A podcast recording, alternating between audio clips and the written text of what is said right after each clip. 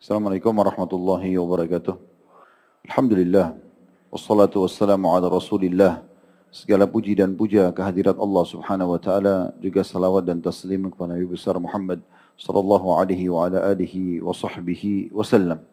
Semoga seluruh amal saleh yang pernah kita kerjakan, yang sedang kita kerjakan dan juga akan kita kerjakan sampai menjelang ajal datang nanti diterima dengan pahala yang sempurna. Dan semoga sisa umur kita diberkahi dan semuanya di atas ketaatan kepada Allah dan tobat dari dosa-dosa. Dan semoga semua dosa yang pernah kita lakukan juga dimaafkan oleh Allah Subhanahu wa taala diganti menjadi pahala. Dan selalu kita doakan agar pemimpin negara kita, siapa pun yang sedang diamanahkan, diberikan hidayah petunjuk, agar selalu berlaku adil dan menjalankan tugas dengan baik. Dan semoga Allah balas sebaik-baiknya terhadap apa yang telah diberikan jasanya untuk negara dan masyarakat.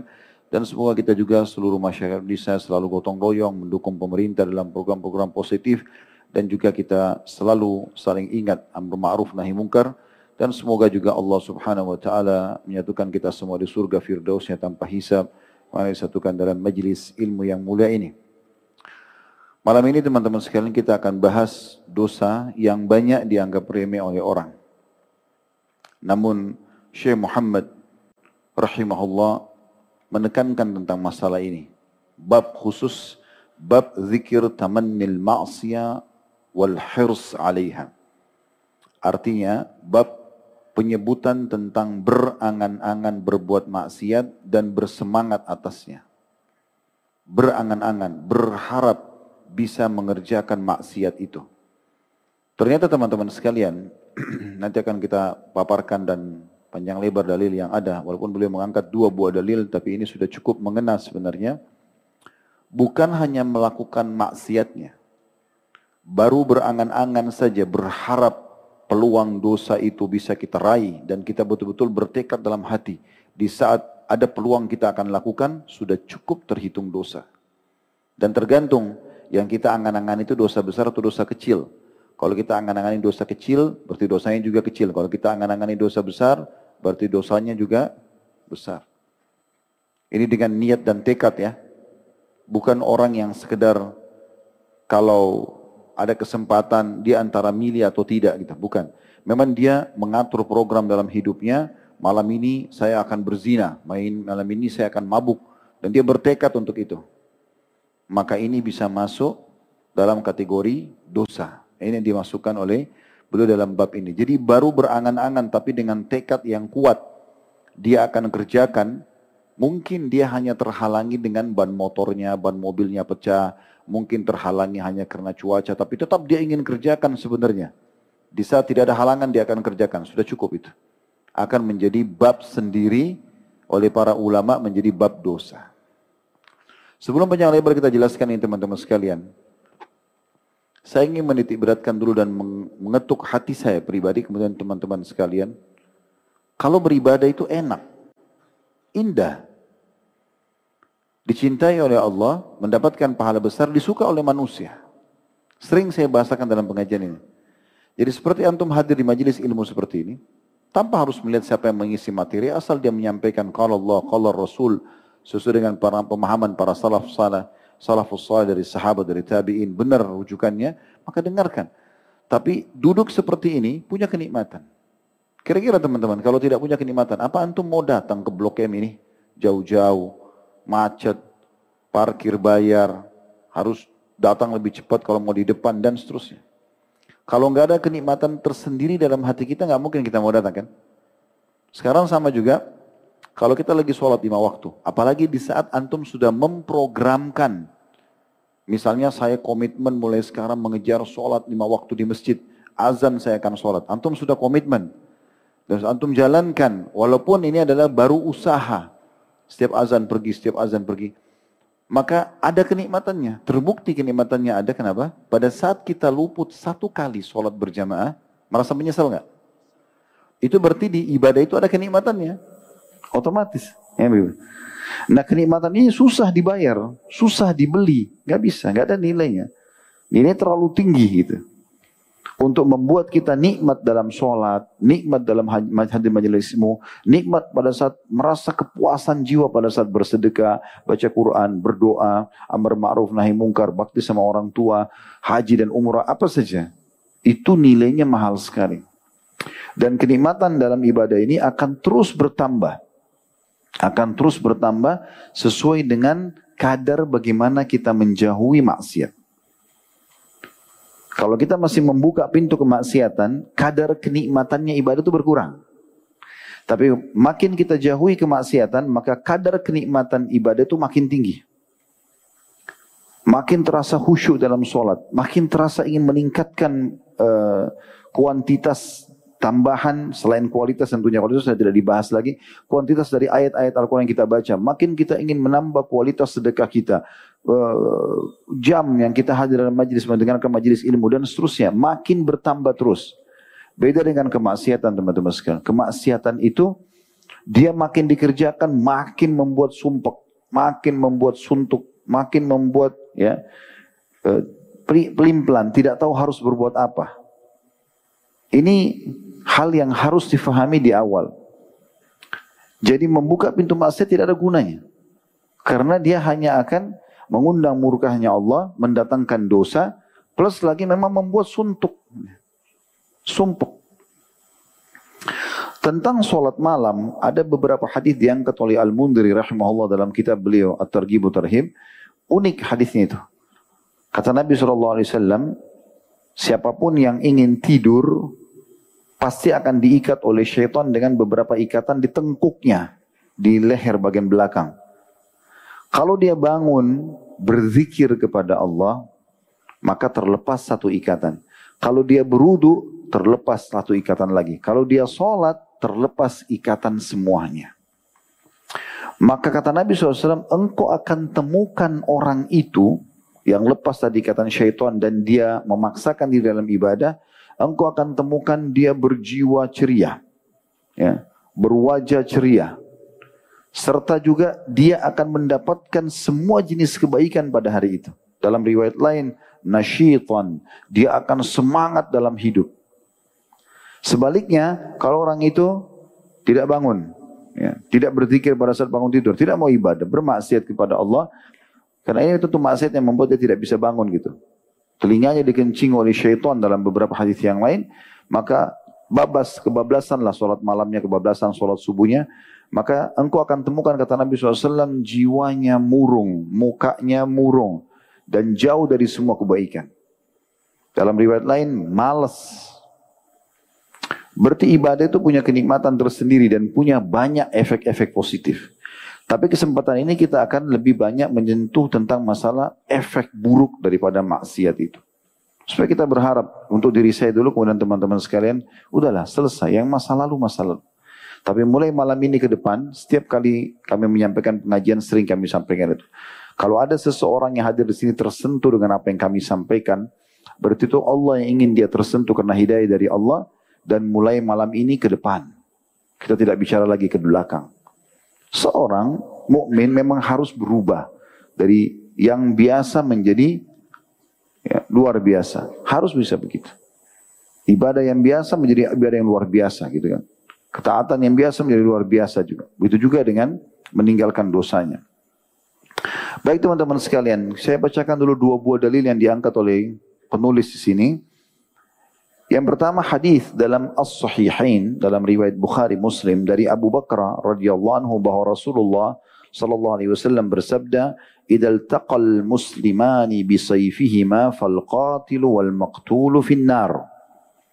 قالوا يا رسول الله هذا القاتل فما بال المقتول قال إنه كان حريصا على قتل صاحبه Hadis ini riwayat Bukhari Muslim ya. Terjemahannya, kata Nabi SAW, jika dua orang Muslim bertemu, bertarung dengan menggunakan pedang masing-masing, maka yang membunuh dan yang dibunuh dua-duanya masuk neraka.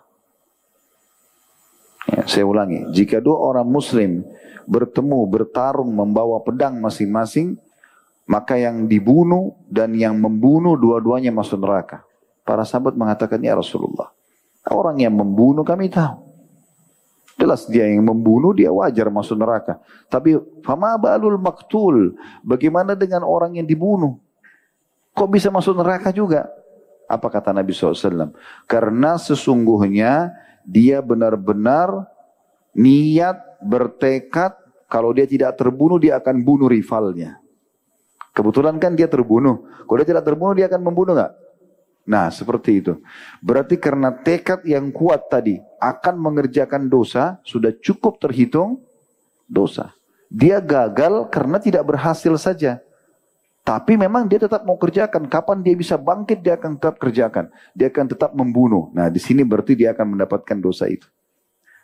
Ini tidak masuk teman-teman di dalamnya kalau orang baru dibisikin sama syaitan.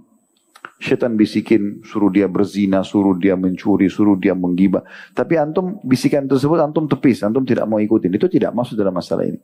Ini orang yang betul-betul bertekad nih. Dia betul-betul berangan-angan, berharap peluang itu terjadi pada dia. Di poin ini saya ingin titik beratkan juga sebuah hal penting. Ingat, semua pelanggaran ada konsekuensi hukum. Antum kalau melanggar di perusahaan, ada konsekuensi hukum kan? Walaupun bisa saja dimaafkan. Tapi kebanyakan pelanggaran harus ada hukumannya. Dimaafkan itu mungkin kalau kita presentasikan 100%, 90% dihukum, 10%-nya dimaafkan. Semua pelanggaran. Ya? Antum telah datang kantor, antum tidak selesaikan pekerjaan, 10% bisa dimaafin. 90% lebih banyak hukuman. Kan begitu. Nah, kecuali kalau dalam uh, hubungan dengan Allah SWT ini mungkin presentasi dimaafkannya bisa besar, tapi tetap ada hukuman. Tetap bisa ada hukuman. Dari poin ini teman-teman, siapa pun di antara Anda yang hadir di sini, kalau pernah peluang, pernah punya peluang berbuat dosa. Contoh, Setahun lalu ada peluang berbuat zina dengan lawan jenis yang kita kenal dan ada kesempatan untuk melakukan. Tapi subhanallah terhalangi.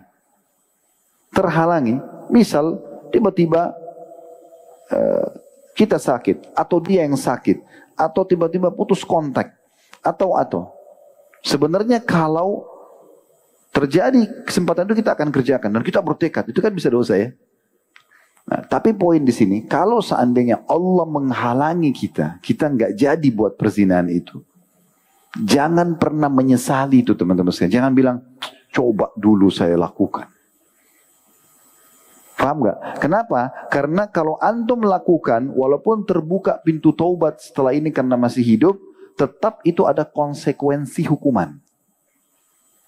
Jadi di saat Allah menyelamatkan kita dari satu perbuatan dosa, Berarti kita selamat dari hukuman dosa itu. Jadi jangan sesali. Bisa ditangkap nggak pesannya nih? Nah, jadi jangan pernah sesali kesempatan berbuat dosa yang luput. Justru syukuri karena tidak jadi. Jangan bilang, oh coba dulu saya lakukan saja. Coba dulu saya mencuri saja, saya gibah saja, saya nipu saja, saya zina saja. Enggak, karena kalau antum melakukan ada konsekuensi hukum. Justru syukuri karena tidak terjadi. Fahami ini ya, karena banyak di antara anak-anak muda biasa terpengaruh begitu. Misal calonnya dulu yang dia ingin nikah, ya sudah nikah. Coba dulu sebelum nikah saya zinai saja. Hah? Bisa nggak terjadi begitu? Hah? Ya kan? Padahal sebenarnya kalau dia lakukan itu ada konsekuensi hukum. Justru sekarang Allah selamatkan dia. Ini pesan penting ini. Jelas nggak? Sudah pakai mikrofon, sudah pakai bahasa Indonesia, suara saya keras. Enggak jelas juga, biar malaikat yang ambil alih sudah. Baik, dalil yang kedua yang beliau angkat. Ini dua buah dalil saja. Dari Abu Kabsha al-Anmari al-Anmari al-Anmari radhiyallahu anhu secara marfu, beliau mengatakan mathalu hadil ummah kamathali arba'ati rijal. Artinya perumpamaan umat ini terdiri dari empat golongan manusia. Rajulun atahu Allahu malan wa ilma. Seseorang yang Allah karuniai ilmu dan harta.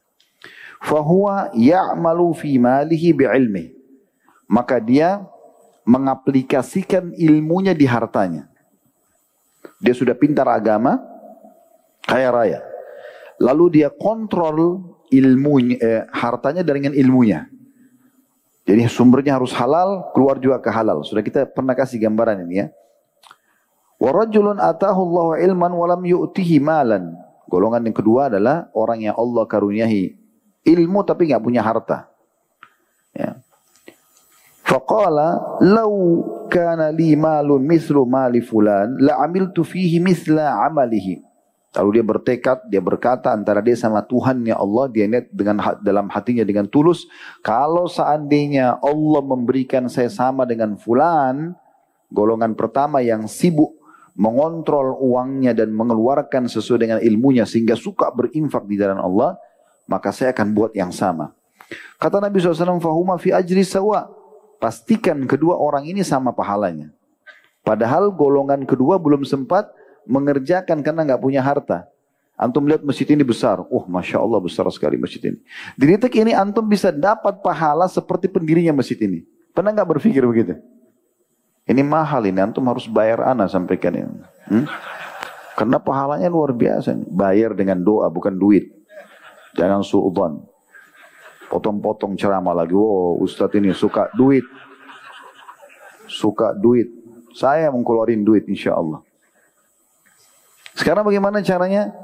Antum jadi golongan yang kedua. Antum kan tidak punya kesempatan bangun masjid di sini, benar nggak? Mungkin tidak punya uang, mungkin tidak punya kesempatan, masjid sudah terbangun. Bagaimana caranya raih pahalanya nih? Oh ribuan orang bisa hadir begini, dipakai waktu lima sholat, lima waktu sholat, dipakai jumatan. Benar nggak? Niat, ini golongan kedua nih. Ya Allah, kalau seandainya antara antum sama Allah, jangan ribut-ribut. Eh, dengarin nih, saya mau bicara. Ya Allah kalau seandainya engkau berikan aku peluang, tulus dari hati antum ya. Peluang seperti yang dirikan masjid Blok M ini saya akan juga buat yang sama. Tapi benar dalam hati antum ya, di saat Allah kasih peluang antum akan lakukan. Maka masuk dalam hadis ini, fahuma fi ajri sawa, sama pahalanya.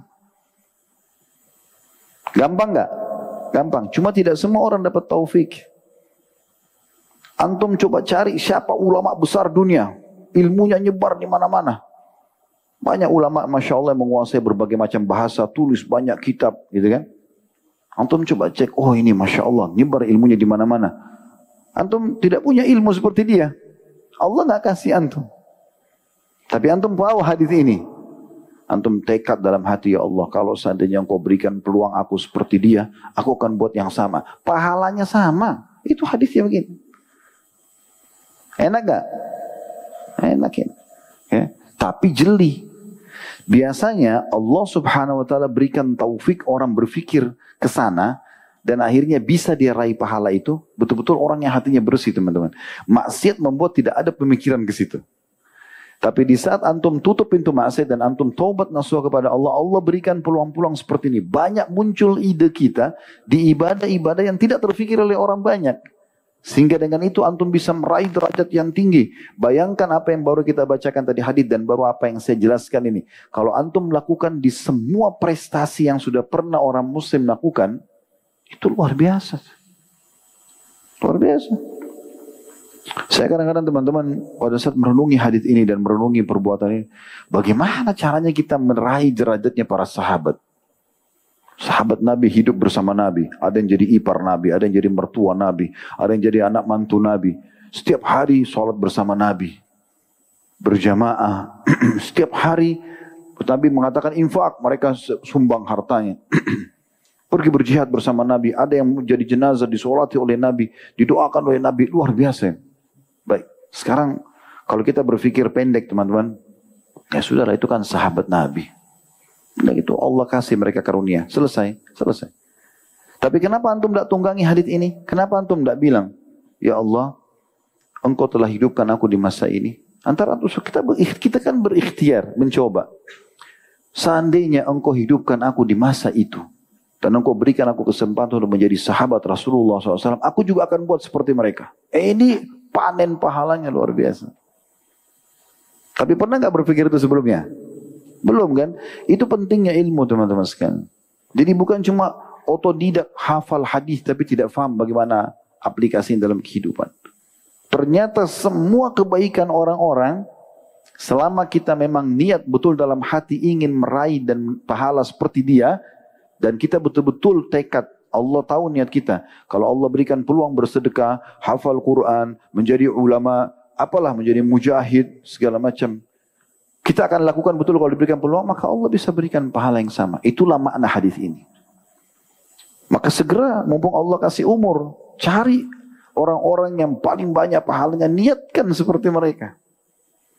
Tapi ingat ya, betul-betul di saat itu antum tidak punya kesempatan, tidak punya peluang, tidak punya potensi, tapi antum ingin sekali. Kita saya kasih contoh, masjid ini kan sudah tidak mungkin. Antum mau bangun lagi masjid, walaupun antum punya uang di Blok M sudah nggak dikasih tempat lagi. Ya kan? Tapi kan masjid sudah terbangun. Masa kita cuma datang sholat dan pengajian? Rugi. Niatkan supaya kalau Allah berikan kesempatan saya juga akan buat yang sama. Dan tarik ini di semua jenis ibadah. Indah nggak? Indah sekali itu. Ini mahal. Kalau antum pulang bawa ini saja malam ini sudah cukup buat saya. Bawa ilmunya. Ya. Selanjutnya hadisnya ini jadi saksi bahasan kita. Golongan yang ketiga kata Nabi sallallahu alaihi wasallam, "Wa rajulun ataahu Allahu malan wa lam yu'tihi ilman fa huwa yakhbitu fi malihi la yadri ma lahu mimma alaihi." Orang yang Allah kasih harta tapi dia menyalahgunakan harta itu di jalan maksiat kepada Allah. Dia tidak pernah tahu dari mana sumbernya, ke mana dia mau keluarkan. Jadi maksiat kepada Allah. Sehingga akhirnya hartanya itu cuma dipakai diskotik, bar, maksiat kepada Allah. Kemudian golongan keempat, warajulun lam yu'tihillahu malan wala ilma. Orang yang Allah tidak kasih ilmu, udah bodoh agama, tambah lagi miskin. Ya.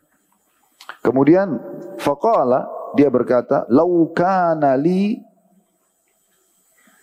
kalau seandainya aku memiliki misla fulan seperti si fulan itu la amil tu fihi misla ma amil atau misla amali fulan. Kalau saya punya peluang seperti dia saya akan buat yang sama. Tekad dalam hati kalau saya juga kaya seperti dia saya juga akan bunuh orang. Bangun diskotik berzina sana sini ya. Apalah ya main judi dan seterusnya. Maka kata Nabi SAW fahuma fi wazri sawa' maka sama dosanya. Hmm. Nah ini sama tarik tadi. Hati-hati. Jangan lihat ada satu keluarga kita, tetangga, sebangsa kita, sukses. Kaya raya, jabatannya tinggi. Tapi jauh dari agama. Banyak pinjamin riba, banyak buat maksiat. Lalu antum bilang, coba saya juga sama seperti dia. Ya udah, dapat dosa. Padahal antum nggak buat dosa itu. Antum tidak riba, antum tidak membunuh, antum tidak berzina, tidak foya tapi antum karena bertekad mau ya sudah dikasih. Nah ini saksi bahasannya. Ini saksi dalil yang dibutuhkan untuk dibahas pada kesempatan ini.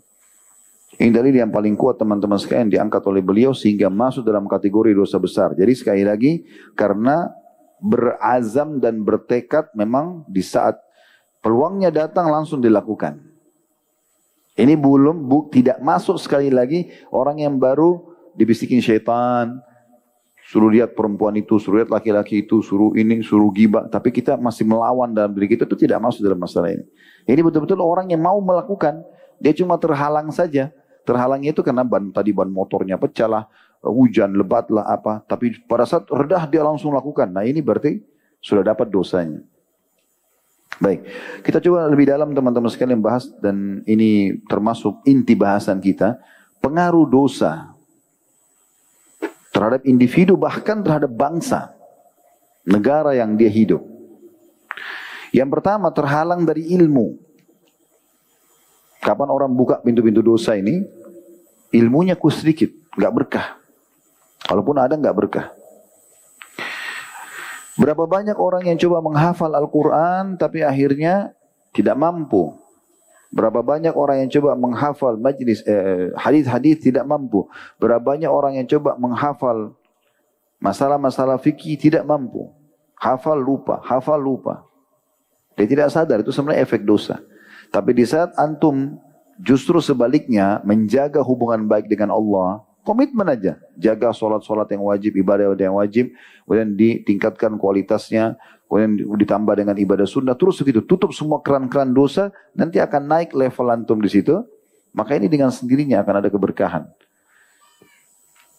Disebutkan oleh Ibnu Taimiyah rahimahullah, beliau mengatakan kurang lebih terjemahnya dalam majmu' fatwa beliau di jilid 14 halaman 152 ya. Allah taala telah menjadikan sebagian perkara untuk menghukum manusia akibat dosa, yaitu diambilnya hidayah dan ilmu yang bermanfaat. Untuk pernah dengar enggak kisahnya Ibnu Taimiyah ini? Ibnu Taimiyah ini subhanallah ya di antara kisahnya saking luasnya ilmu beliau, beliau pernah di penjara Sampai beliau penuhi dinding penjara itu dengan ilmu. Ditulisin sama dia. Pada saat beliau keluar, ilmunya itu dinukil oleh murid-muridnya diambil. Sampai dia tidak tahu harus ngomong sama siapa karena di penjara dikucilkan. Beliau tulis di sana sini. Keberkahan yang luar biasa. Sekarang berapa banyak dinukil perkataan-perkataan beliau, dikaji kitab-kitab beliau gitu kan. Allah berikan keberkahan. Ini semua adalah uh, hasil daripada ketaatan dan jauh daripada kemaksiatan. Ini contoh. Ini teman-teman saya bacakan dari buku Dampak Buruk Maksiat Bagi Diri dan Keluarga ya. Tulis oleh Abdul Hadi bin Hasan.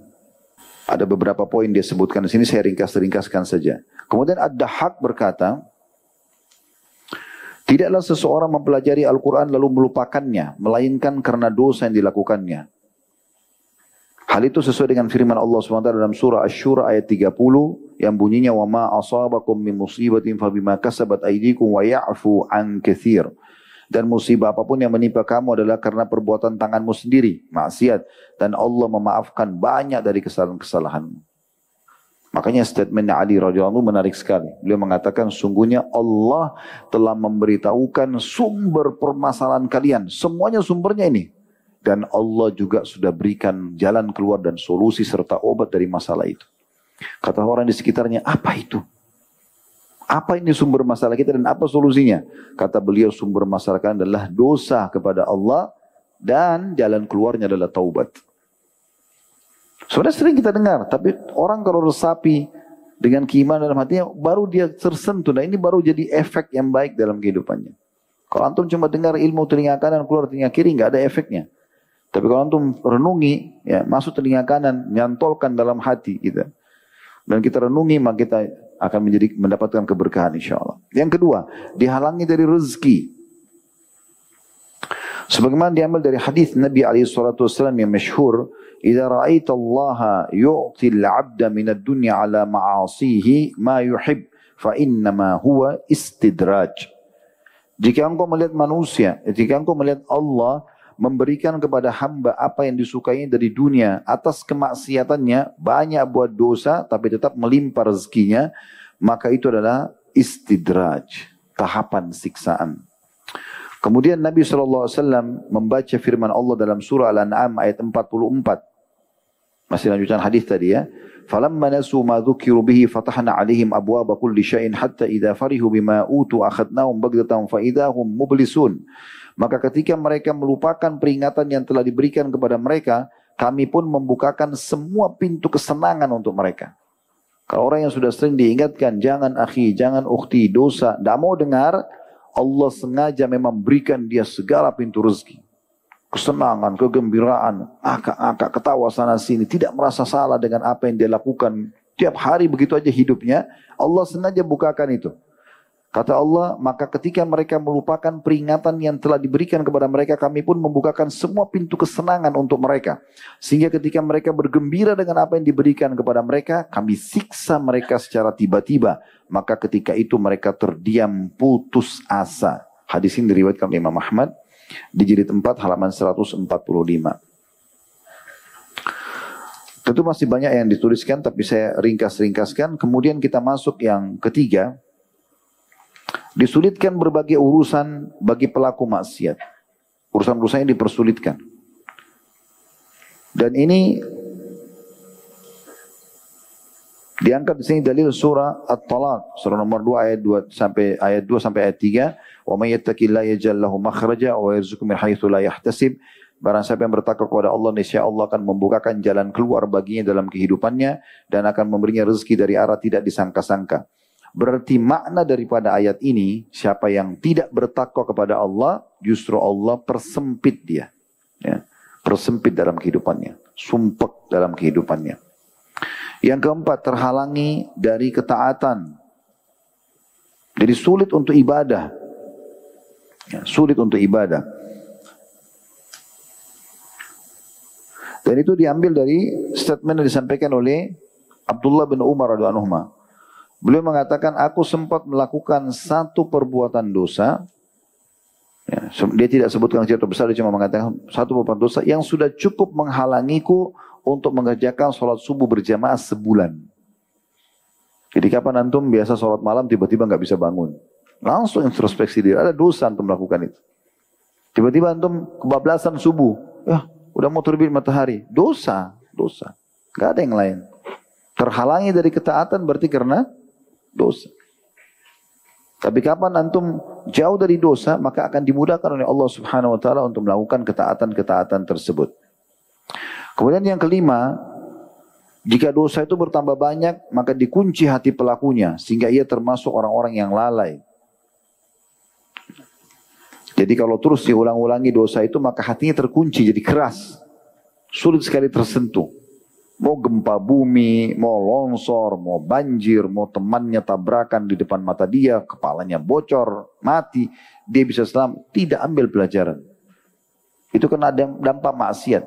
Orang itu kalau bersih hatinya dan banyak ketaatannya kepada Allah, sedikit perkara. Para salafus soleh ingat riwayat yang mereka mengatakan, aku tahu aku punya dosa pada saat Aku melihat perubahan sikap dari istriku, pasangan hidupku, tungganganku, bahkan tikus yang masuk ke dalam rumahku.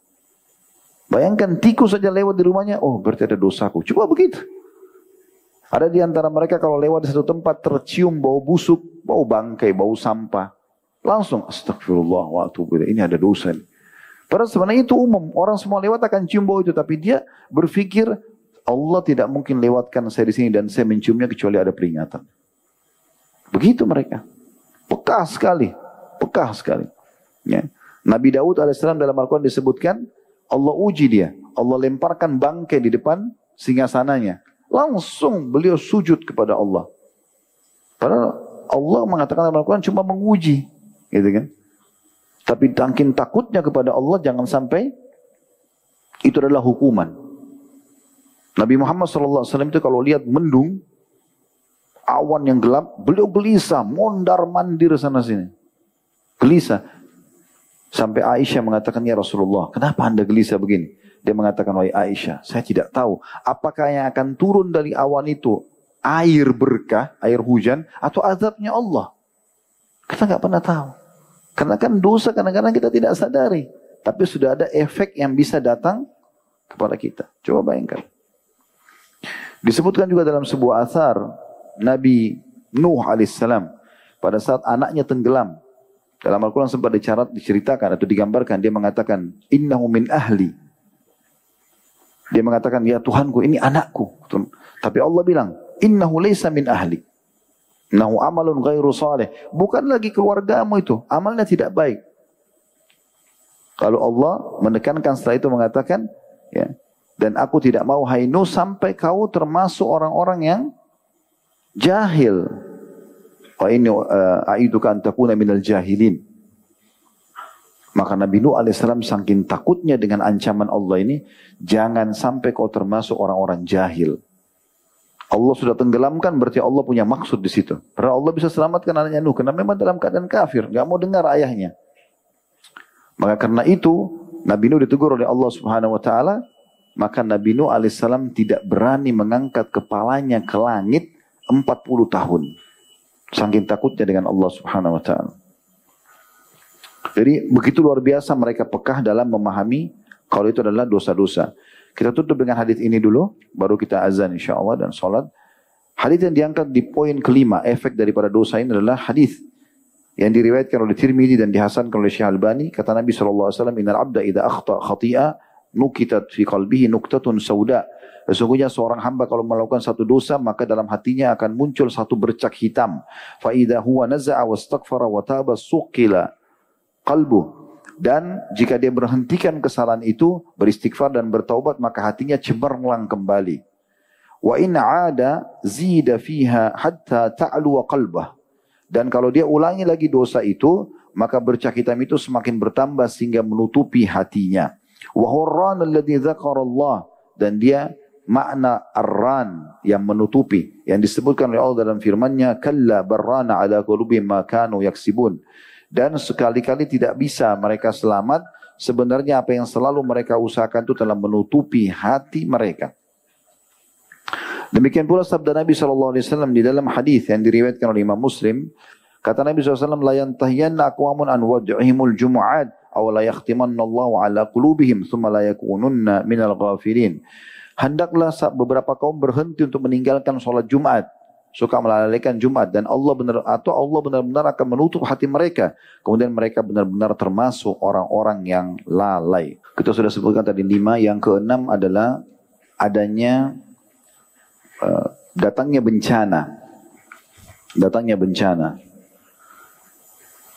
Jadi bencana ini bisa berupa penenggalam, uh, penenggelaman ke dalam bumi, bisa gempa, bisa banjir, bencana intinya. Sesuai dengan Allah Subhanahu wa taala berfirman dalam surah Al-Ankabut ayat 40. Yang bunyinya fakullan akhadna bidzambih فمنهم من أرسلنا عليه حاصبا ومنهم من أخذته الصيحة ومنهم من خسفنا به الأرض ومنهم من أغرقنا وما كان الله ليظلمهم ولكن كانوا أنفسهم يظلمون Maka masing-masing para pelaku dosa itu kami azab karena dosa-dosa mereka. Di antara mereka ada yang kami timpahkan kepada mereka hujan batu kerikil. Ada yang ditimpa suara keras yang mengguntur. Ada yang kami benamkan ke dalam bumi. Dan ada pula yang kami tenggelamkan. Allah sama sekali tidak hendak menzalimi mereka. Akan tetapi mereka lah yang menzalimi diri mereka sendiri. Jadi dari ayat ini jelas sekali bagaimana efek dosa itu akan mendatangkan berbagai macam jenis hukuman Allah subhanahu wa ta'ala. Umumnya kalau pelanggaran sama maka hukuman sama. Para pelaku zina, homoseksual, lesbian akan sama. Apa yang telah menimpa orang-orang sebelum mereka akan sama. Para pemabuk, pejudi akan sama juga menimpa mereka. Ya, dan seterusnya, semua maksiat-maksiat ini efek-efeknya akan sama. Oleh karena itu orang kalau melihat ke masa lalu yang Allah perintahkan kita agar berjalan di muka bumi ini. Fasiru fil ardi fanzuru kaifa kana akibatul uh, mukadzibin ber, ber, ber, menyebarlah kalian di muka bumi lalu lihatlah akibat orang-orang yang telah mendustakan. Jadi Allah suruh kita melihat mereka bagaimana efek-efek yang telah menimpa mereka karena efeknya akan sama kalau kita ulangi dosa yang sama. Kita kalau melakukan ketaatan-ketaatan bersama Nabi SAW dan para sahabat Abu Bakar, Umar, Uthman, Ali, Talha, Zubair dan seterusnya, kita akan sama akibatnya dengan mereka. Allah berikan dunia mereka kedudukan, kekayaan, kerajaan, ya nama yang harum, kesempatan untuk beramal soleh dan menikah meninggal akan masuk ke dalam surga. Sementara kalau kita ya, mengikuti orang-orang yang lawan dari mereka, Abu Jahal, Abu Lahab, Umayyah bin Khalaf, uh, Utbah, uh, Syaibah dan seterusnya ini yang sudah meninggal dalam keadaan kufur, maka kita juga akan sama dengan mereka. Jadi hati-hati. Sudah banyak orang-orang sebelum kita yang taat, kalau kita ikuti maka kita akan sejalan dengan mereka, sama juga efek-efeknya. Dan kalau kita melakukan apa yang telah dilakukan oleh orang yang bermaksiat dan kita ikuti mereka, maka efeknya juga akan sama. Dari hadits Imran ibn Husain dalam sebuah riwayat bahwasanya Nabi SAW bersabda fi hadil ummati khasfun wa maskhun wa kadhfun.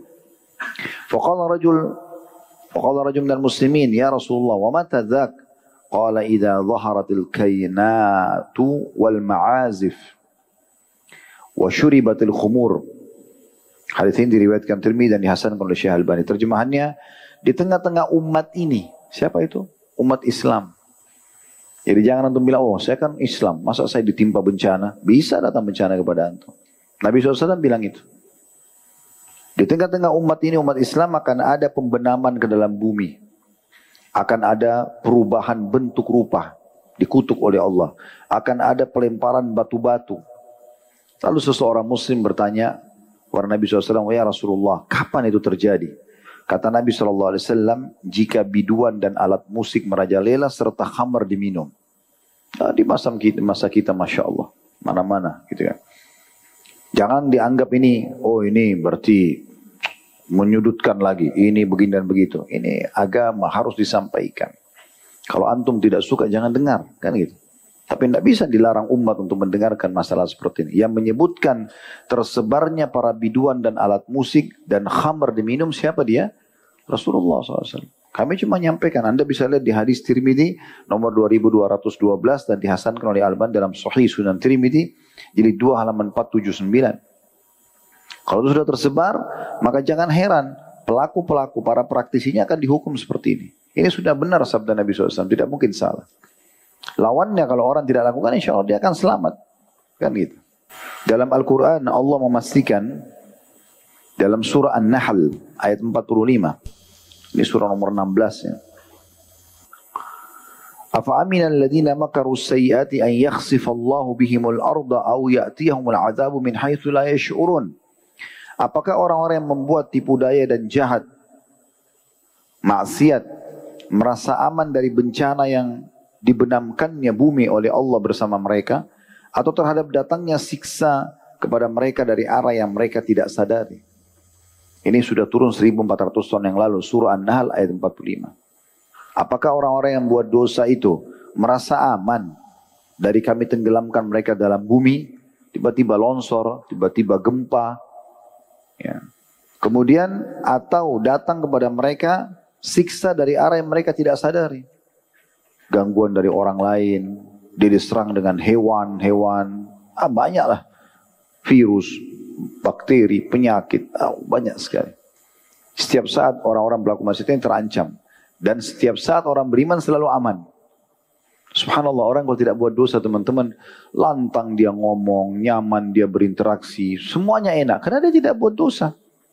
Orang kalau buat dosa itu walaupun orang lain tidak tahu dia merasa kayak terganggu sendiri, terkekang dengan dosanya itu. Hilang percaya dirinya, murung hidupnya, banyak permasalahannya, keluh kesah selalu keluar dari mulutnya. Ini semua kena dosa. Yang ketujuh, akan terjadi perselisihan dan perpecahan karena dosa-dosa itu. Di antaranya pecahnya hubungan suami istri, ya, ributnya rumah tangga itu dosa, efek dosa. Ributnya antara orang tua sama anak, anak sama orang tua, kerabat sama kerabat, ya, sahabat sama sahabat, bawaan sama atasan, atasan sama ini semua karena dosa. Disebutkan dalam sebuah hadis Ibnu Umar radhiyallahu dan hadis ini hadis sahih diriwayatkan Imam Ahmad. Di nomor 5357 dan juga disahihkan oleh Syalbani dalam silsilah hadis sahihah nomor 637 kata Nabi sallallahu alaihi wasallam walladzi nafsu Muhammadin biyadihi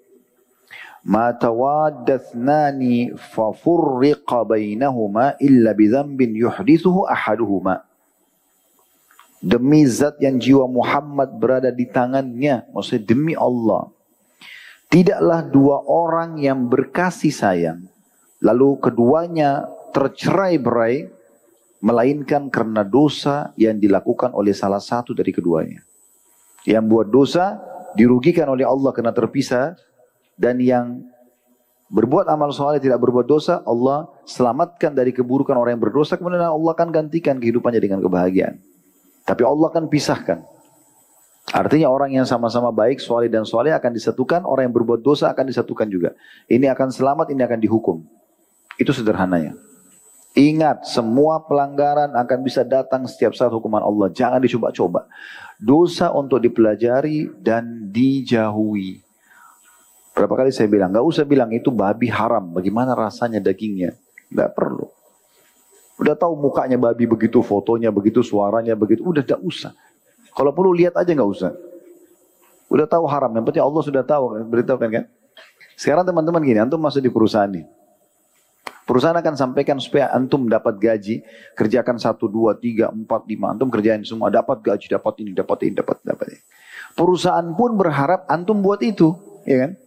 Tapi dari sisi perusahaan akan bilang, ingat ya, jangan langgar ini, jangan langgar ini, jangan langgar ini. Perusahaan tidak berharap antum melanggar, tapi kalau antum melanggar antum kena konsekuensinya. Nah Allah SWT tidak mau menghukum kita. Allah tidak mau kita buat dosa. Makanya Allah sampaikan kalau kau buat dosa akan kena hukuman. Dosa itu dipelajari untuk dijauhi. Gak usah dicoba. Amal soleh dipelajari untuk diterapkan. Begitu konsepnya. Apalagi teman-teman yang masih Allah berikan umur muda Masya Allah. Di saat ini justru energik. Ya, masih energik begini, masih semangat. Ya, berbanyak ibadah. Jangan nanti sudah tua baru susah gitu. Tapi banyak orang di luar sana sudah tua tapi tidak mau tobat. Makin saja maksiat, bangga, pamer di media, menari-menari sana sini, sudah tua. Rambut sudah ubanan, tidak takut kepada Allah SWT. Ini kalau mati, untung apa dia ini? Dapat apa gitu? Ruginya luar biasa. Allah menyebutkan dalam Al-Quran وَقَدْ جَاءَكُمُ النَّذِيرِ dan telah datang kepada kalian peringatan-peringatan. Maknanya nanti kalau malaikat mau datang akan bertanya, berkata kepada kita semua, kan sudah datang peringatan. Peringatan itu kata sebagian ulama tafsir dalam Al-Quran disebutkan itu uh, salah satunya adalah munculnya uban. Salah satunya adalah adanya keturunan generasi yang akan menggantikan kita. Salah satunya adalah meninggalnya kerabat-kerabat atau orang tetangga yang kita pernah kenal. Semua itu peringatan. Artinya kita setiap saat akan seperti itu. Pasti. Jangan menyesal teman-teman sekalian nanti kalau sudah tiba waktu. Dulu saya sudah dengar ceramah tapi sayang saya nggak mau dengar. Saya nggak mau ikutin. Ya rugi sendiri. Saya nggak mungkin teman-teman datang ke rumah antum masing-masing ketuk ingat akhi, sholat, ingat gini, ingat ukti begini, tidak bisa. Kita cuma teriak-teriak di mikrofon begini, ayo, ayo. Nah tinggal keputusan di tangan antum. Tapi ingat telah tegak hujah pada antum sekarang, Allah sudah sampaikan. Mau jadi baik, baik. Dan begini, kalau mau jadi orang baik, sekaligus jadi orang baik. Sekalian, jangan setengah-setengah. Jangan hijrah tapi ya, masih ada sedikit. Tidak ada, tidak usah. Dosa tidak usah dicoba. Sekarang jadi orang baik. Apa pun orang bicara terserah. Pokoknya saya, ya saya selamatkan diri saya sendiri. Dan makin kita pupuk keimanan itu amal soleh, maka akan nikmat nanti dia. Baik, jadi kata Nabi SAW, demi zat yang jiwa Muhammad berada di tangannya, tidaklah dua orang berkasih sayang, lalu di keduanya, di ter, keduanya tercerai melainkan karena dosa yang dilakukan oleh salah satu dari keduanya. Demikian pula hadis Nu'man ibn Bashir radhiyallahu anhuma, beliau dan ayahnya dua-duanya sahabat, Rasulullah SAW menghadap wajahnya kepada orang-orang setelah berkata, Aqimu sufufakum, thalathan, luruskan saf kalian, waktu beliau mengimami sholat sambil mengarahkan wajah beliau kepada para sahabat makmum. Wallahi latukimun latukimunna sufufakum aw la yukhalifanna Allahu baina qulubikum. Demi Allah, kalian benar-benar meluruskan saf kalian atau Allah benar-benar akan menyisihkan di antara hati kalian. Qala fara'aitu rajula yulsiku mankibahu bimankibi sahibihi wa rukbatahu bi rukbatihi bi rukbati sahibihi wa ka'bahu bi ka'bihi bi ka'bihi maka kata Nu'man bin Bashir radhiyallahu waktu Nabi SAW mengatakan demi Allah kalian benar-benar meluruskan saf-saf kalian dalam solat atau Allah benar-benar akan menyisihkan di antara hati kalian maka dia berkata, aku pun melihat seseorang, setiap orang dalam saf merapatkan pundak-pundaknya dengan pundak temannya. Lututnya sama lutut temannya, maksudnya lutut bagian sebelah kanan dan kiri, dempet sama teman di sebelah dan mata kaki kepada mata kaki temannya. Hadis ini riwayat Abu Daud dan disohikan. Jadi kata para ulama hadis, ya, ini betul-betul maknanya seperti lafadznya. Kapan tidak mau melakukan ketaatan yang Nabi SAW sudah perintahkan mengatur saf, maka akan berselisih. Dan tidak ada enaknya berselisih. Kita kalau cekcok sama seseorang, itu nggak enak. Karena tadinya kita bersahabat, tiba-tiba kita cekcok, pecah, Hanya mau bicara apa pun jadi nggak enak. Interaksi jadi nggak enak. Tapi dalam hadis ini dijelaskan ini karena ada dosa yang dikerjakan oleh salah satunya. Yang kedelapan, kemaksiatan itu akan menghapus keberkahan umur. Keberkahan rezeki, keberkahan ilmu, keberkahan amal, keberkahan ketaatan. Tadi semua sudah disebutkan sebenarnya ini masalah rezeki dan sembarang macam ilmu. Tapi di sini ada keberkahan. Apa maknanya keberkahan? Kita akan tercukupi dengan apa yang sudah Allah berikan. Itu keberkahan. Diangkat dalilnya di sini adalah surah Al-A'raf ayat 96.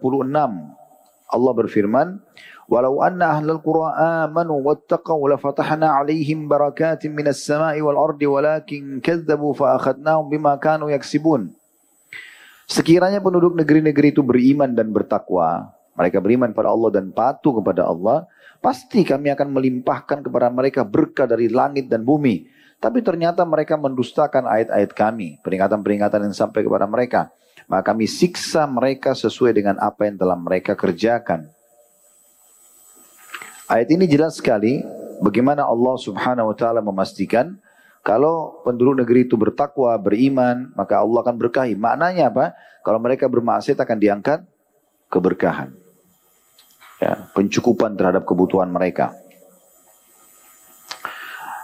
Dalam hadis yang diriwayatkan oleh Al Hudzaifah radhiyallahu anhu, hadis ini disebutkan oleh Al Bazzar dan Albani menyebutkan dengan sanad hasan sahih. Kata Hudzaifah anhu qama Nabi sallallahu alaihi wasallam fada'a nas Satu hari Nabi sallallahu alaihi wasallam pernah berdiri memanggil orang-orang seraya mengatakan kemarilah. Faqala halumma halummu ilayya. Fa'akbalu ilaihi fajalasu. Maka orang-orang pada kumpul kemudian duduk di hadapan Nabi SAW. Faqal. Maka beliau bersabda, Hada Rasul Rabbil Alamin Jibril sallallahu alaihi wasallam nafatha fi ru'i. Ini adalah utusan Rabb semesta alam Jibril alaihissalam meniupkan dalam hatiku. Annahu la tamutu nafsun hatta tastakmila rizqaha. Bahwasanya ketahuilah tidak akan mati satu jiwa melainkan telah disempurnakan rezekinya. Wa in abta'a 'alaiha meskipun terlambat datang kepadanya fattaqullah oleh karena itu bertakwalah kepada Allah wa ajmi wa ajmilu fit talab dan perbaguslah dalam memohon kepada Allah wala yahmilannakumul istibta istibta'ul rizq dan jangan sampai terlambatnya rezeki mendorong kalian untuk mendapatkannya jangan sampai keterlambatan rezeki mendorong kalian untuk mendapatkannya dengan maksiat kepada Allah di sini dikatakan dasar Arabnya wala yahmilannakum istibta'i istibta'ur rizq an ta'khuduhu bi ma'siyatillah. Fa inna Allah la yunalu fa inna Allah la yunalu ma 'indahu illa bi ta'ati. Karena sungguhnya Allah tidak akan pernah memberikan apa yang di sisinya dengan kemaksiatan kepadanya. Jadi dari hadis ini jelas sekali bagaimana Nabi alaihi salatu wassalam memastikan ada wahyu yang sampai kepada beliau kalau rezeki itu akan diberikan kepada semua makhluk, tidak mungkin ada pindah rezeki. Ya, tidak mungkin kalau proyek itu kita nggak dapat lalu kemudian oh berarti rezeki saya diambil tidak mungkin. Berarti memang belum rezekinya. Lalu dikatakan tidak mungkin Allah Subhanahu wa taala memberikan rezeki kepada ahli maksiat.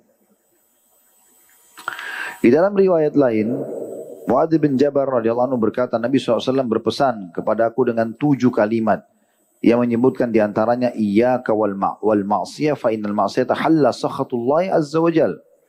Hati-hati dari maksiat karena dengan maksiatlah murka Allah pasti akan datang. Artinya akan mendatangkan hukuman Allah Subhanahu wa taala.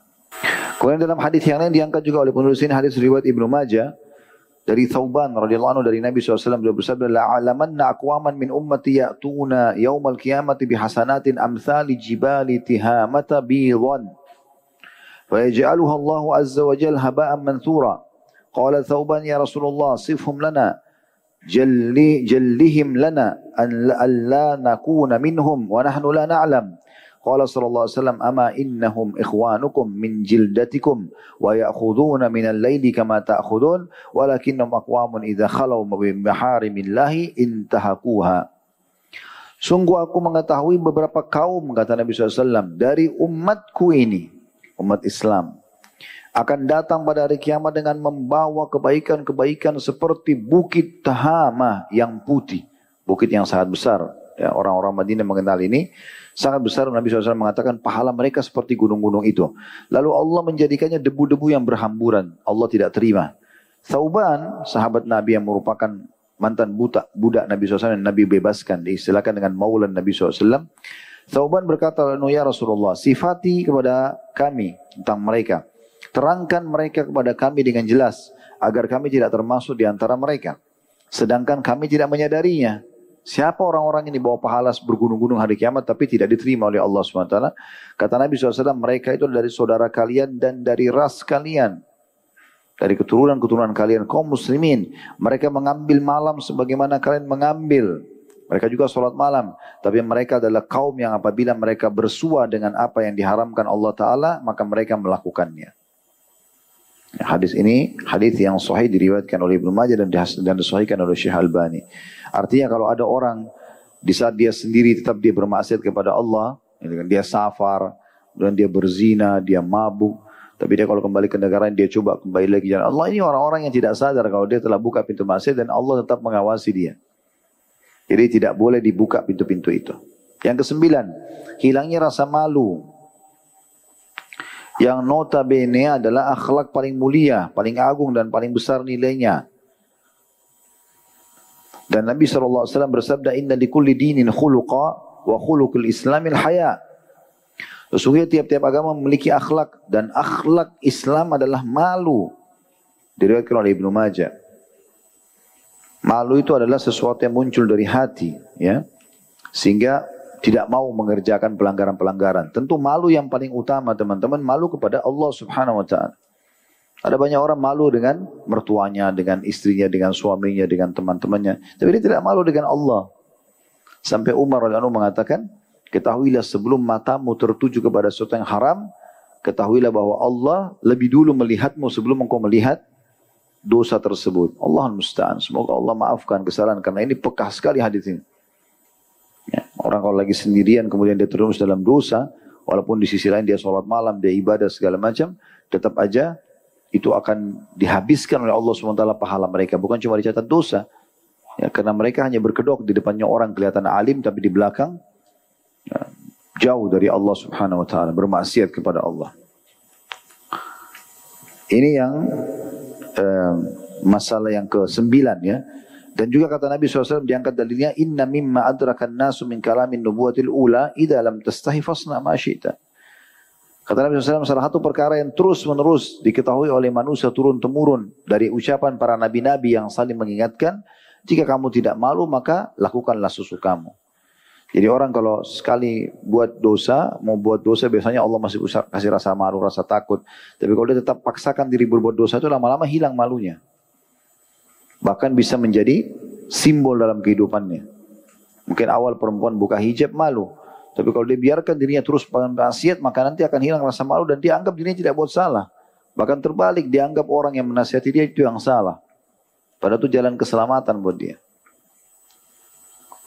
Yang ke sepuluh kemaksiatan menghilangkan kenikmatan. Kenikmatan-kenikmatan yang Allah subhanahu wa ta'ala berikan. Ya. Mulai dari kenikmatan dunia sampai kepada kenikmatan akhirat. Sebenarnya ahli maksiat itu tidak menikmati masalah makanan, masalah minuman sebagaimana orang-orang soleh menikmatinya. Sehingga kita temukan orang-orang bermaksiat itu selalu berkeluh kesah walaupun makanannya mewah depannya tidak berkeluh kesah. Atau bahkan Allah uji dengan penyakit yang dia tidak bisa nikmati makanan yang ada di depannya. Sementara orang-orang soleh walaupun makannya sedikit, makanannya sederhana tapi dia akan menikmatinya dan dia merasa itu sebuah nikmat yang besar. Jadi hilangnya kenikmatan itu termasuk hukuman dari Allah subhanahu wa ta'ala. Ini masuk dalam poin ini. Di dalam sebuah riwayat, kata Nabi SAW, Makhtalaja irqun, wala ainun illa bidham, wa ma yadfa'ullahu anhu akthar. Tidaklah daging menjadi rusak, dan begitu pula mata air rusak kecuali karena satu dosa sedangkan apa yang Allah hindarkan darinya lebih banyak hadis ini diriwayatkan dalam dalam Mu'jam as-Saghir nomor 1053 dan disahihkan oleh Syekh Albani. Bayangkan teman-teman daging bisa rusak ya, eh, apa namanya mata air bisa hilang apa saja fasilitas bisa hilang maka itu sudah cukup disebabkan karena dosa manusia. Ya, ini luar biasa ini di dalam sebuah hadis yang lain, hadis ini dibuatkan Ibnu Hibban dan disahihkan oleh Syekh Albani, kata Nabi wasallam, "Lau anna Allah yu'akhiduni, yu'akhiduni wa Isa bidhunubina, la'adzabana wa la yadhlimuna syai'a." Qala wa asyara bis sabbabati wallati taliha. Seandainya Allah menghukum aku dan Isa karena dosa-dosa kami, niscaya dia menghukum kami dan tidak menganiaya kepada kami sedikit pun. Ini tawaduknya Nabi SAW. Beliau mengatakan, kalau seandainya saya ini Kemudian dan juga Isa. Beliau mencontohkan Nabi Isa alaihissalam. Bisa banyak maknanya. Bisa karena Nabi Isa alaihissalam dalam sebuah hadis syafaat hari kiamat nanti. Semua Nabi-Nabi umumnya menyebutkan tentang kesalahan yang pernah dilakukan kecuali Isa alaihissalam. Isa tidak menyebutkan kesalahan yang dia lakukan gitu kan. Maka Nabi SAW berikan perumpamaan. Kalau seandainya saya sama Isa, Nabi juga begitu. Jauh dari kesalahannya. Kalau seandainya saya sama Isa dihukum sama Allah, maka pasti Allah tuh hukum dengan keadilannya. Artinya kalau Nabi pun mengucapkan ini, bagaimana dengan kita gitu? Pasti dosa-dosa kita kalau dihukum juga memang karena keadilan Allah subhanahu wa ta'ala. Jadi Allah tidak akan menzalimi hamba-hambanya. Gitu kan? Yang ke sebelas, mengadakan di muka bumi aneka macam kerusakan pada air, udara, tanaman, dan buah-buahan juga tempat tinggal. Jadi tadi kalau yang ke-10 itu lebih kepada kerusakan secara khusus. Penulis terus di sini masalah daging ya. Eh, maaf, kemaksiatan menghilangkan kenikmatan. Kalau yang ke-11 ini mengadakan dosa-dosa maksud itu mengadakan ya mendatangkan berbagai macam kerusakan pada air, udara, tanaman, buah-buahan dan tempat tinggal. polusi udara, apalah, macam-macam penyakit, virus. Ini semua karena dosa. Begitu yang disebutkan. Dalam surah Ar-Rum, surah nomor 30 ayat 41, Allah Subhanahu wa taala berfirman, "Dhahara al-fasadu fil barri wal bahri bima kasabat aydin nasi wa liyudhiqahum ba'da alladhi amilu la'allahum yarji'un." Telah tampak kerusakan di darat dan di lautan disebabkan karena perbuatan tangan manusia. Allah, Allah menghendaki agar mereka merasakan sebagian dari akibat perbuatan mereka agar mereka kembali ke jalan yang benar. Jadi terjadi kerusakan-kerusakan banyak justru karena manusia berbuat dosa akhirnya Allah datangkan sebagai hukuman kepada mereka. Kemudian hilangnya yang ke-12 hilangnya rasa aman dan ketentraman baik individu maupun masyarakat. Dinukil sebuah kisah bahwasanya Umar bin Abdul Aziz rahimahullah pada saat menjadi khalifah, beliau selalu menjaga ketakwaannya kepada Allah sampai beliau menginstruksikan di wilayah kekuasaanku ini tidak boleh ada ter kezaliman terjadi. Baik sama manusia ataupun hewan-hewan. Subhanallah berjalan kerajaannya dia. Betul-betul dinukil oleh sebagian ahli sejarah di masa kerajaan Umar bin Abdul Aziz belum pernah terjadi sejarah serigala makan domba. Padahal itu biasa terjadi. Tapi di zaman, di zaman beliau tidak terjadi di wilayah kekuasaannya. Sampai terjadi ada satu orang datang kepada seorang alim di negeri Syam, lalu dia mengatakan, Sesungguhnya domba tetanggaku telah memakan rumput di dalam rumah, halaman rumahku. Maka si alim itu langsung mengatakan, Inna lillahi wa inna ilahi raji'un. Hari ini telah meninggal Amir Mukminin. Nah, orang pada bingung, kok dombanya tetangga makan rumput tetangganya, lalu dia bilang telah meninggal Amir Mukminin. Kata orang itu, kok bisa anda bilang begini? Karena dia sudah memohon kepada Allah dengan kesolehannya kalau tidak terjadi ke, ke kezaliman. Dan ini kezaliman terjadi. Berarti menandakan dia sudah meninggal. Dan ternyata dicek betul hari-hari itu dia meninggal. Jadi kesolehan seseorang itu berefek ke mana-mana berefek kepada kelembutan muamalah istri, ke kebaikan juga uh, royalitasnya suami ya. Kemudian anak-anak berbakti, teman-teman semua menghormati, mudah urusan-urusan sampai hal yang kecil semua itu karena ketaatan dan sebaliknya terhambatnya dari hal yang kecil sampai hal yang besar semua karena dosa gitu. Jadi ini yang ke-12 ya, hilangnya rasa aman dan ketentraman gitu. Sini juga ditambahkan yang ke-13 kemaksiatan mengakibatkan keputusan hubungan antara hamba dengan robnya. Ya. Tapi nggak disebutkan dalilnya. Cuma memang ini masuk akal. Ya. Orang berbuat dosa maka dia jauh dari Tuhannya. Kemudian yang ke-14 maksiat akan merusak hati manusia yang merupakan raja di dalam hati atau di dalam dirinya. Ya. Serta menjadi penyebab juga gelapnya hati. Sehingga akhirnya sulit sekali datang kepada dia ya, peringatan-peringatan. Selanjutnya yang keberapa? Yang ke-15. Sebenarnya yang ke-14 tadi itu masalah di sini disebutkan sama beliau ya berpengaruh dalam hati seperti pengaruh penyakit pada tubuh itu merusak hati.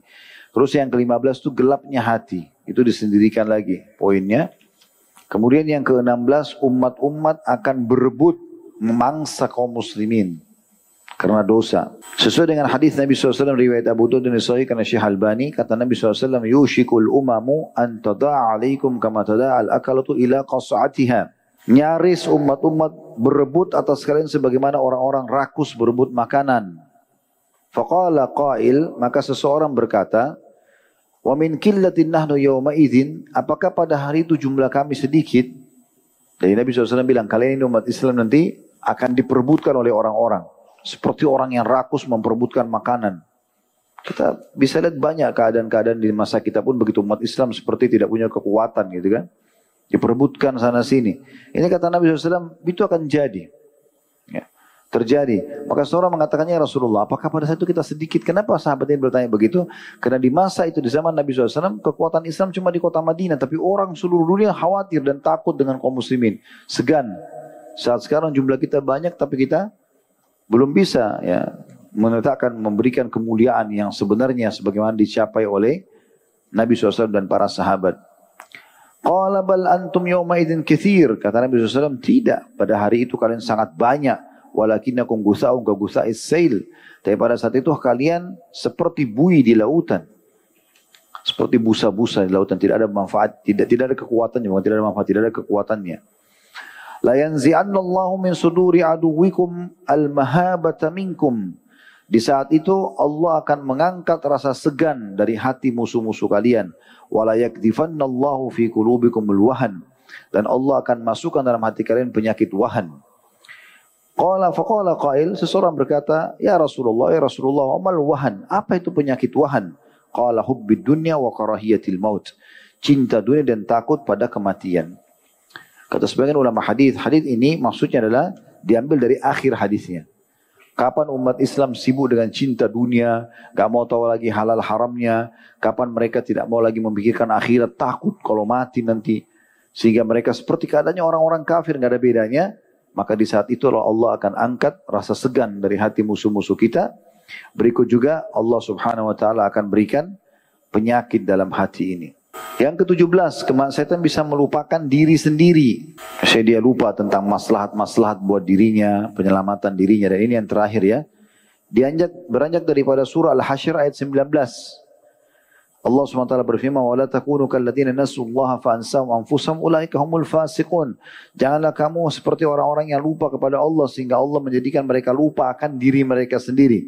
Mereka itulah orang-orang yang fasik. Kemudian dalam surah At-Taubah ayat 67, نَسُوا اللَّهَ فَنَسِيَهُمْ Surah At-Taubah ayat 67. Mereka merupakan Allah maka Allah juga membuat mereka lupa atau Allah melupakan mereka. Jadi sini maknanya adalah Allah subhanahu wa ta'ala membuat orang-orang yang melakukan kemaksiatan akan melupakan maslahat buat dirinya sendiri. Keselamatan buat dirinya sendiri. Yang ada bagi pelaku maksiat adalah pintas, jalan pintas. Berbuat dosa, nanti akibatnya terserah. Mau bagaimana tidak masalah. Ini orang bodoh. Ya, orang yang menjerumuskan dirinya pada maksiat akhirnya dia tidak mau tahu efeknya datang kepada dia tidak ada masalah. Bukan ke orang yang narkotika, orang yang mabukan. Sebenarnya dia tahu setelah itu dia berbahaya. Tapi dia tidak mau tahu. Dia lupa dengan dirinya sendiri. Dia ganggu istri orang, ganggu rumah tangga orang. Kemudian dia tahu efeknya nanti bahaya, tapi apa yang dilakukan sama dia. Nah ini dia Allah buat mereka lupa terhadap diri mereka. Lupa tentang efek-efek bahaya yang datang menimpa mereka. Akhirnya datanglah hukuman Allah SWT datangkan karena memang sudah terjadi hal tersebut Allah alam. Baik ini bahasan kita teman-teman sekalian. Insya Allah semoga bermanfaat teman-teman sekalian dan semoga apa yang kita bahas hari ini bermanfaat buat kita semua. Subhanakallahumma bihamdika asyhadu an la ilaha illa anta astaghfiruka wa atubu ilaik. Wassalamualaikum warahmatullahi wabarakatuh.